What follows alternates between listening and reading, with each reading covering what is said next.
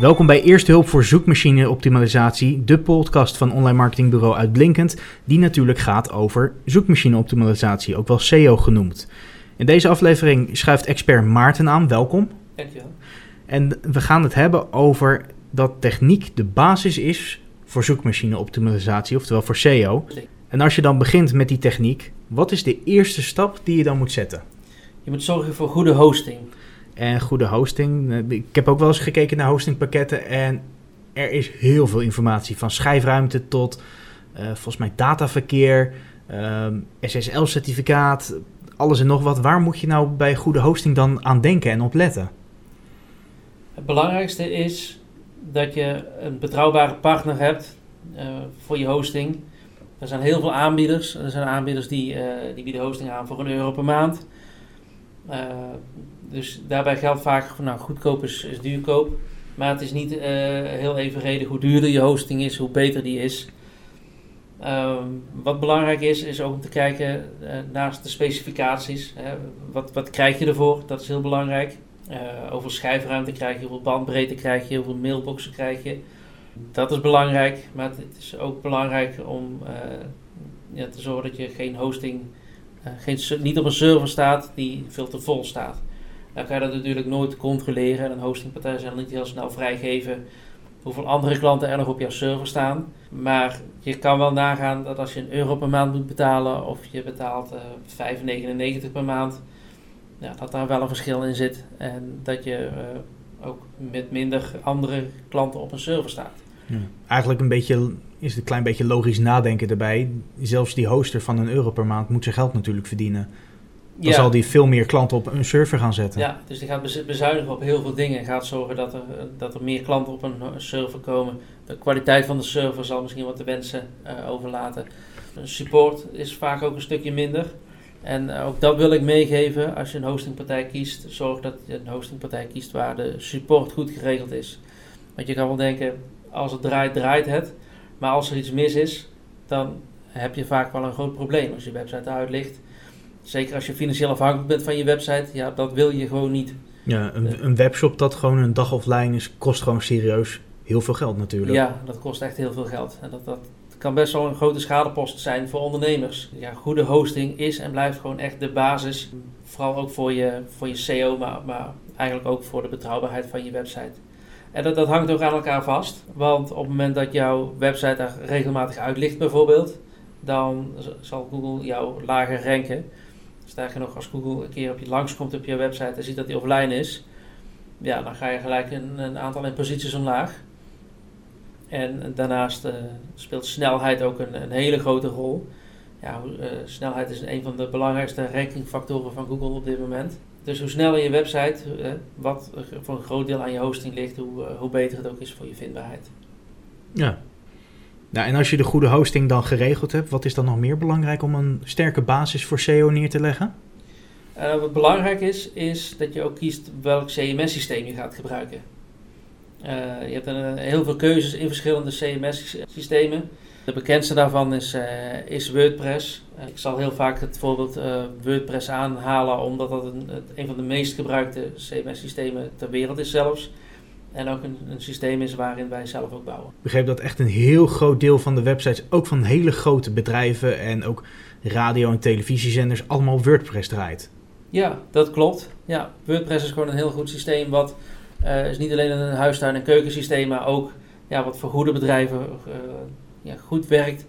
En eh, voldoende componenten bevat die ja, voor, voor alle type bedrijven en alle bedrijfsgroottes geschikt is.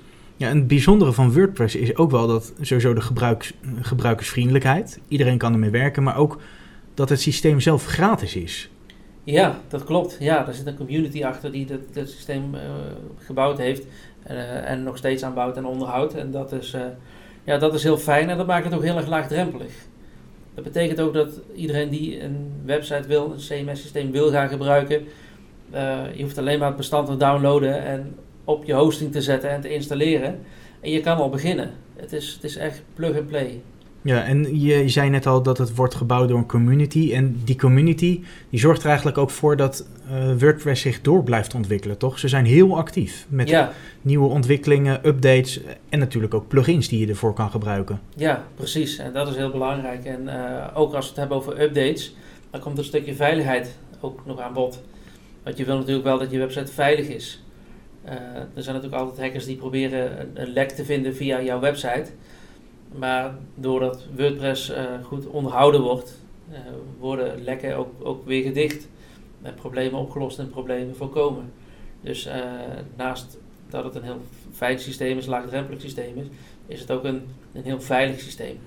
En als iedereen hetzelfde systeem gebruikt, dan wekt dat misschien ook de indruk op dat iedereen dan dezelfde website zou hebben. Maar dat is bij WordPress absoluut niet het geval, toch? Nee, zeer zeker niet. Er zijn zoveel verschillende plugins, er zijn verschillende thema's. eh, je kan zoveel verschillende kanten op. Dat, dat, ja, dat je altijd wel een, een unieke website kan creëren. En Ja. dat, dat vraagt natuurlijk wel een stukje van je creativiteit en, en kennis van de juiste eh, thema's of, of plugins. Maar het is niet zo dat, dat je heel duidelijk kan zien, oh, dat is een WordPress website. Want Dat is ideaal natuurlijk. En dat is misschien ook wel de kracht dan van het systeem. Ja, want je wil natuurlijk niet uitstralen dat je gewoon maar ergens een gratis systeem hebt gedownload. En, en dat je ja, niet naar de inrichting hebt gekeken of naar de opmaak. Inderdaad. Ja, je, je wil dat, je wil wel uitstralen dat je echt aandacht besteedt aan je website. En dat, dat is heel belangrijk. Ja, en als je dan je goede hosting hebt en je CMS-systeem gekozen, grote kans dat het WordPress dus blijkbaar is. ehm, welke zaken zijn dan voor de rest belangrijk om een goede basis te leggen? Nou, wat belangrijk is, eh, en dat is eigenlijk al vanaf het begin van, van het tijdperk van zoekmachine-optimalisatie belangrijk, dat zijn je metatags. En wat zijn dat precies? Metatags zijn eigenlijk een soort stukjes code in je website, in je broncode, waarin je aan kan geven waar je website over gaat. Je hebt bijvoorbeeld een, een title tag, nou ja, dat geeft dat aan, dat is de titel van je website. Die zie je ook bovenaan in je browserbalk. Maar ook eh, een description tag eh, en eh, je hebt ook nog een keywords tag, nou, die wordt niet meer gebruikt. Vroeger was die bedoeld waarin je keywords kon aangeven, belangrijke woorden waar je website over ging. Maar daar werd er veel mee gesjoemeld, dus Google heeft die, die meta tag minder belangrijk gemaakt. De key tag, hè? Ja, de keywords tag. Ja, Eh, de description tag, dat is een, eh, ja, een goed begrijpelijke zin die je daar neerzet, die eigenlijk samenvat waar jouw website over gaat. Nou, daarin laat je natuurlijk ook je belangrijkste trefwoorden in, in voorkomen. Eh, maar belangrijk is dat dat gewoon een goede, nette, leesbare zin is. En in de meeste gevallen zal Google die zin ook overnemen in het zoekresultaat. Je- Dat is onder de titel dat, dat tekstje dat er dan staat. Ja, dat klopt. Ja, ja. En je hebt daar in theorie tot 158 tekens de ruimte om daar een mooie zin neer te zetten. Als je een zin eh, neerzet die langer is, dan zal Google die eh, inkorten. Eh, dat is lang niet altijd de mooiste oplossing, want dan wordt je zin ineens halverwege afgebroken en staan er wat puntjes achter. En als je een te korte description hebt, dan zal Google zelf op je site kijken naar een zin of een reeks van trefwoorden die logisch lijkt voor Google. Maar als je je aan, aan dat aantal tekens houdt, en dat hoeft natuurlijk niet exact te zijn, eh, maar daar wel een beetje bij in de buurt komt, dan zal Google die tekst in eh, de meeste gevallen overnemen. En dat is fijn, want dan heb je daar zelf ook controle op. Ja, dan kan je bijvoorbeeld voor een webshop daar al gelijk neerzetten hoe snel je kan leveren. Bijvoorbeeld vanavond besteld, morgen in huis. Precies, ja, precies. Waardoor je bezoeker eh, bij de resultaten al ziet van, hé, hey, dit is interessant, ik wil hier meer over weten en ook door zal klikken. Ja, nee, heel handig. En je hebt daar dus wel zelf invloed op. Niet altijd, want Google neemt niet alles over. Ehm, nu is het ook dat je voor, de, voor Google zelf moet zorgen dat er leesbare codes zijn, toch? Ja, dat klopt. En dat heet eh structured data. En dat zijn stukjes code waarin je, je Google wat, eh, wat informatie geeft. En eh, om gelijk een stapje extra daarin te zetten, je hebt ook rich snippets, zoals ze worden genoemd. En wat zijn dat dan? Eh, die worden ook wel eens featured snippets genoemd. Dat zijn eh, stukjes code die Google uitleest en als extra informatie aan je zoekresultaat toevoegt. Dat kan een eh, review score zijn, wat Google vertaalt in een aantal sterren dat je dan bij je resultaat ziet. Dat kan, als, je, als het over een boek gaat, de naam van de schrijver zijn. En dat kan, als je een webshop hebt, kan het gewoon de, de prijs zijn en de voorraad. Waardoor je, uh, je hebt de titel in het zoekresultaat, je hebt dan je de description wat je dan ziet. En daaronder zie je nog bijvoorbeeld of het product op voorraad is en wat de prijs is. maar dat is wel heel handig, want je gaf net als voorbeeld van de schrijver van bijvoorbeeld een boek dat er dan staat. maar stel het gaat om een boek, je zoekt een specifiek boek in de zoekmachine, dan krijg je snel al webshops op een rij. Dan kan de zoeker dus al in Google zien van, oh, hij is daar op voorraad en dan kost daar uh, 19,95. En bij een andere webshop is twee dagen leveren en kost die 25 euro. Dus die verschillen zie je dus al in de zoekmachine zelf. Zien, ja, dus de bezoeker kan nog voordat hij op de website komt al een, een selectie maken. Bij deze aanbieder wil ik, wil ik wel eens even verder kijken. En bij de andere aanbieder, dat wordt hem niet. Uh, dus ja, Daarom voorziet Google in die, uh, in die informatie. Ja, en het inzetten van die rich snippets kan je dus serieus geld opleveren. Je kan je dus meer geld door gaan verdienen als je het goed instelt. Precies, ja. Ja, want je geeft uiteindelijk mensen de informatie uh, waarop zij kunnen baseren om, om voor jou te kiezen. En er zit nog een ander voordeel aan. Uh, je zoekresultaat wordt iets groter, neemt iets meer van de pagina van Google in beslag. Een ander voorbeeld is dat je ook evenementen kan aanmaken in, in rich snippets. Die dan netjes onder je description onder elkaar getoond worden, waardoor de ruimte die je op die pagina hebt van Google veel groter wordt. Dan val je ook veel meer op. Je valt veel meer op. Een bezoeker kan daardoor minder snel om jou heen en zal ook eerder geneigd zijn om uh, op, op het zoekresultaat te klikken. Dus eigenlijk voor succes moet je gewoon de complete trucendoos die er is toepassen. Ja, ja. Zorg wel dat die relevant is. Als je geen webshop hebt en denkt van nou, ik zet maar dat, het iets, dat ik iets op voorraad heb. Ja, zo werkt het niet. Het is natuurlijk wel belangrijk dat je ook iets te verkopen hebt. Dat je iets op voorraad hebt. Dat, dat je prijzen kloppen. Ja. En je gaf eerder aan dat je ook reviews uh, eraan kan koppelen. Dat Google dan toont dat je bijvoorbeeld vier sterren hebt uit, van de vijf. Of het mooiste, vijf van de vijf sterren. Is dat ook iets dat in je ranking dan meetelt? Als je heel veel goede positieve reviews hebt? Of dat eigenlijk niet? Ja, dat telt zeker mee ja, ja.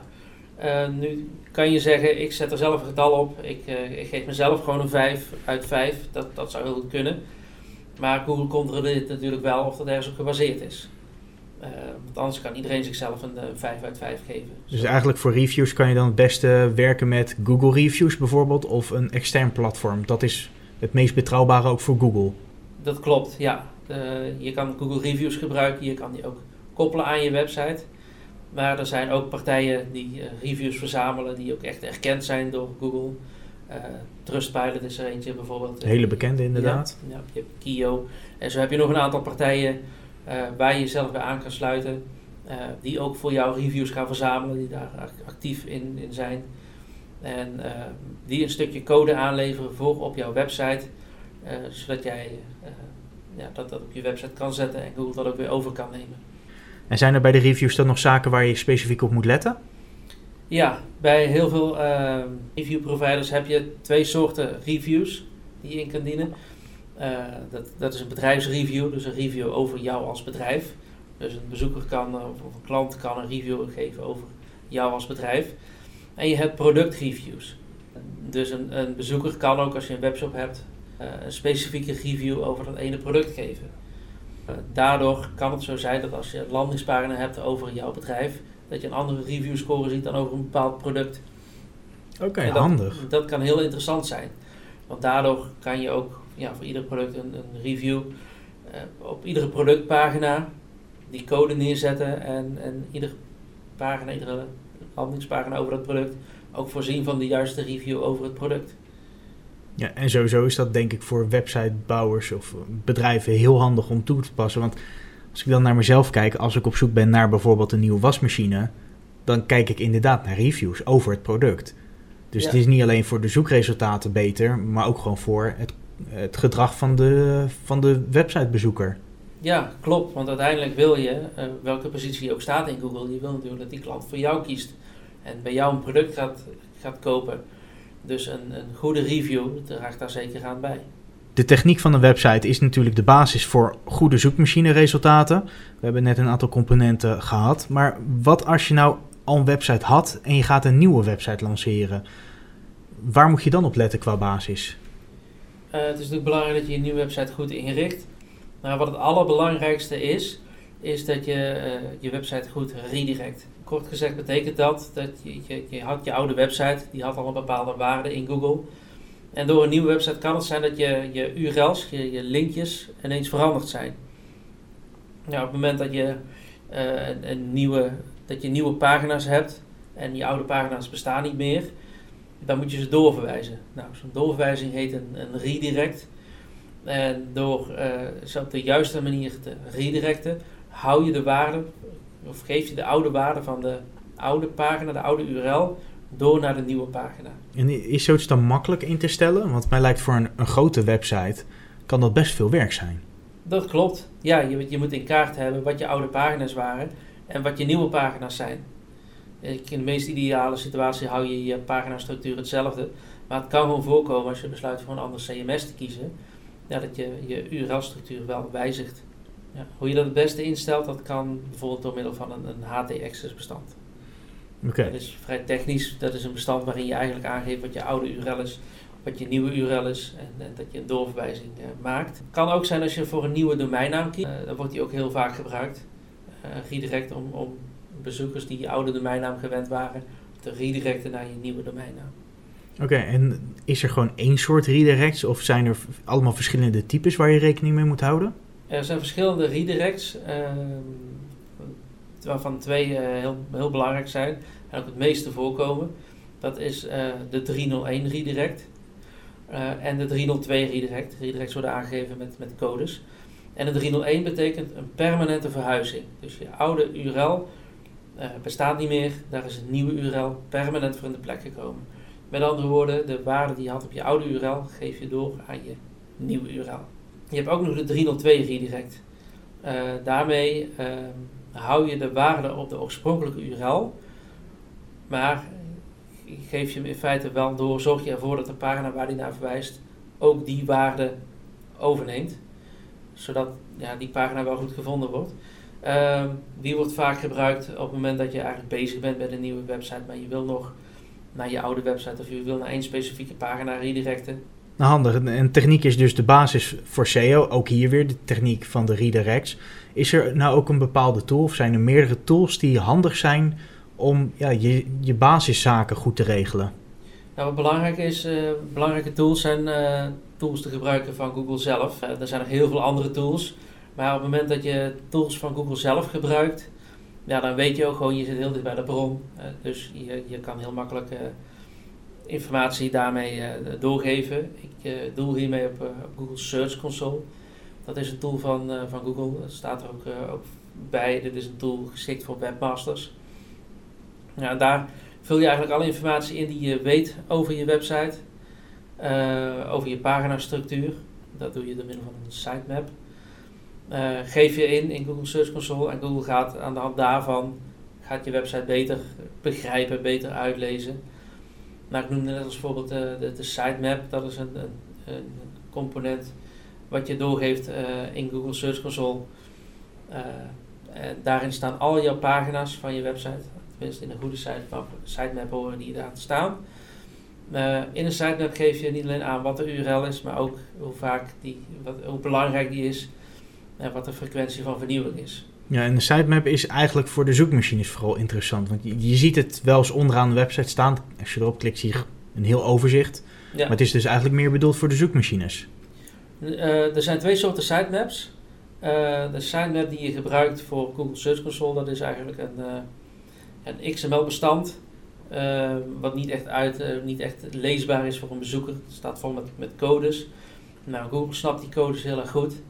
Uh, dus die is ideaal om te gebruiken. Daarnaast zie je inderdaad onderaan wel eens het, het kopje sitemap staan op je website. Mm -hmm. Nou, dat is vooral een gebruiksvriendelijke sitemap. Zodat je bezoeker daarop kan kijken en de pagina kan vinden die, die hij of zij zoekt. Nu zijn die sitemaps niet meer, helemaal niet meer van deze tijd omdat vaak menustructuren zo goed zijn ingericht uh, dat een bezoeker er nauwelijks meer behoefte aan heeft. En met de komst van de XML sitemap is er ook geen behoefte meer voor Google om de organische sitemap uit te lezen. Nou, begrijpelijk dan inderdaad. En uh, of je nou een nieuwe website hebt of je hebt al een paar jaar een website draaien, de Google Search Console is heel belangrijk om in te vullen. Ja, ja dat is wel een van de belangrijkste tools. Omdat je daarmee gewoon Google aanstuurt om je website veelvuldig te indexeren. Ehm, daarnaast zijn er natuurlijk nog meer tools. En nog een hele belangrijke is natuurlijk Google Analytics. Ehm, natuurlijk is het interessant voor jezelf om in Analytics te kijken wat je resultaten zijn, wat je website doet, wat bezoekers doen. Maar Google maakt zelf gebruik van die informatie.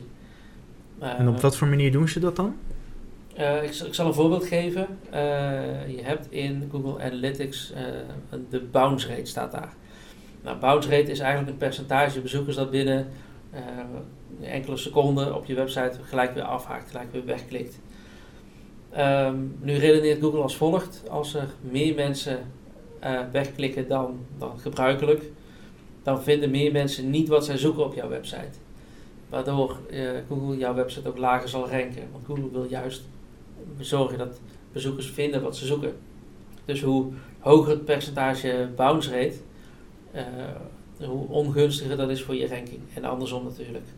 Het geldt ook voor sessieduur. Hoe langer een bezoeker op je website is, hoe interessanter die, je, die website voor de bezoeker is. Zo redeneert Google. Dus met een langere sessieduur zal Google jouw website weer hoger ranken dan een, een lagere sessieduur. Maar Google Analytics is een hele mooie tool om jou daar als bezoeker inzicht in te geven. Op het moment dat je ziet dat je een bounce rate hebt, dan weet je, oh, ik moet wat aanpassen. Want ik moet zorgen dat bezoekers op mijn website blijven. Dat ze vinden wat ze zoeken. Ja, dat is dus eigenlijk het belang van content. En goede content wat weer om de hoek komt kijken. Ja, absoluut. Ja, met de juiste content kan je een bezoeker lang op de website houden. En, en die juiste informatie geven die hij zoekt. Want bezoekers zijn gewoon heel kritisch. Als ze de, niet de juiste informatie vinden, dan zijn ze gewoon weg. Ja, ja en ook eigenlijk heel logisch en begrijpelijk. Ze willen wel iets vinden. Daarom zijn ze naar de zoekmachine gekomen. Ja, precies. En ze willen dat, dat snel vinden. En ze willen niet afgeleid worden door allerlei informatie die er niet toe doet.